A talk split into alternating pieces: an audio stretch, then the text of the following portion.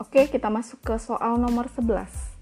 Di antara padatan berikut ini yang memiliki interaksi antar molekul hanya melalui gaya van der Waals adalah A. CO2 B. SiO2 C. Cu D. MgO E. CH3CH2OH atau etanol ya. Oke, kita lihat uh, kita bahas ya. Jadi interaksi paling lemah di, yang dimiliki oleh senyawa nonpolar ini disebut dengan gaya London. Nah, ada dua senyawa nonpolar di sini. Ada CO2 dan ada SiO2. Kalau CO2 masanya lebih ringan dibandingkan SiO2.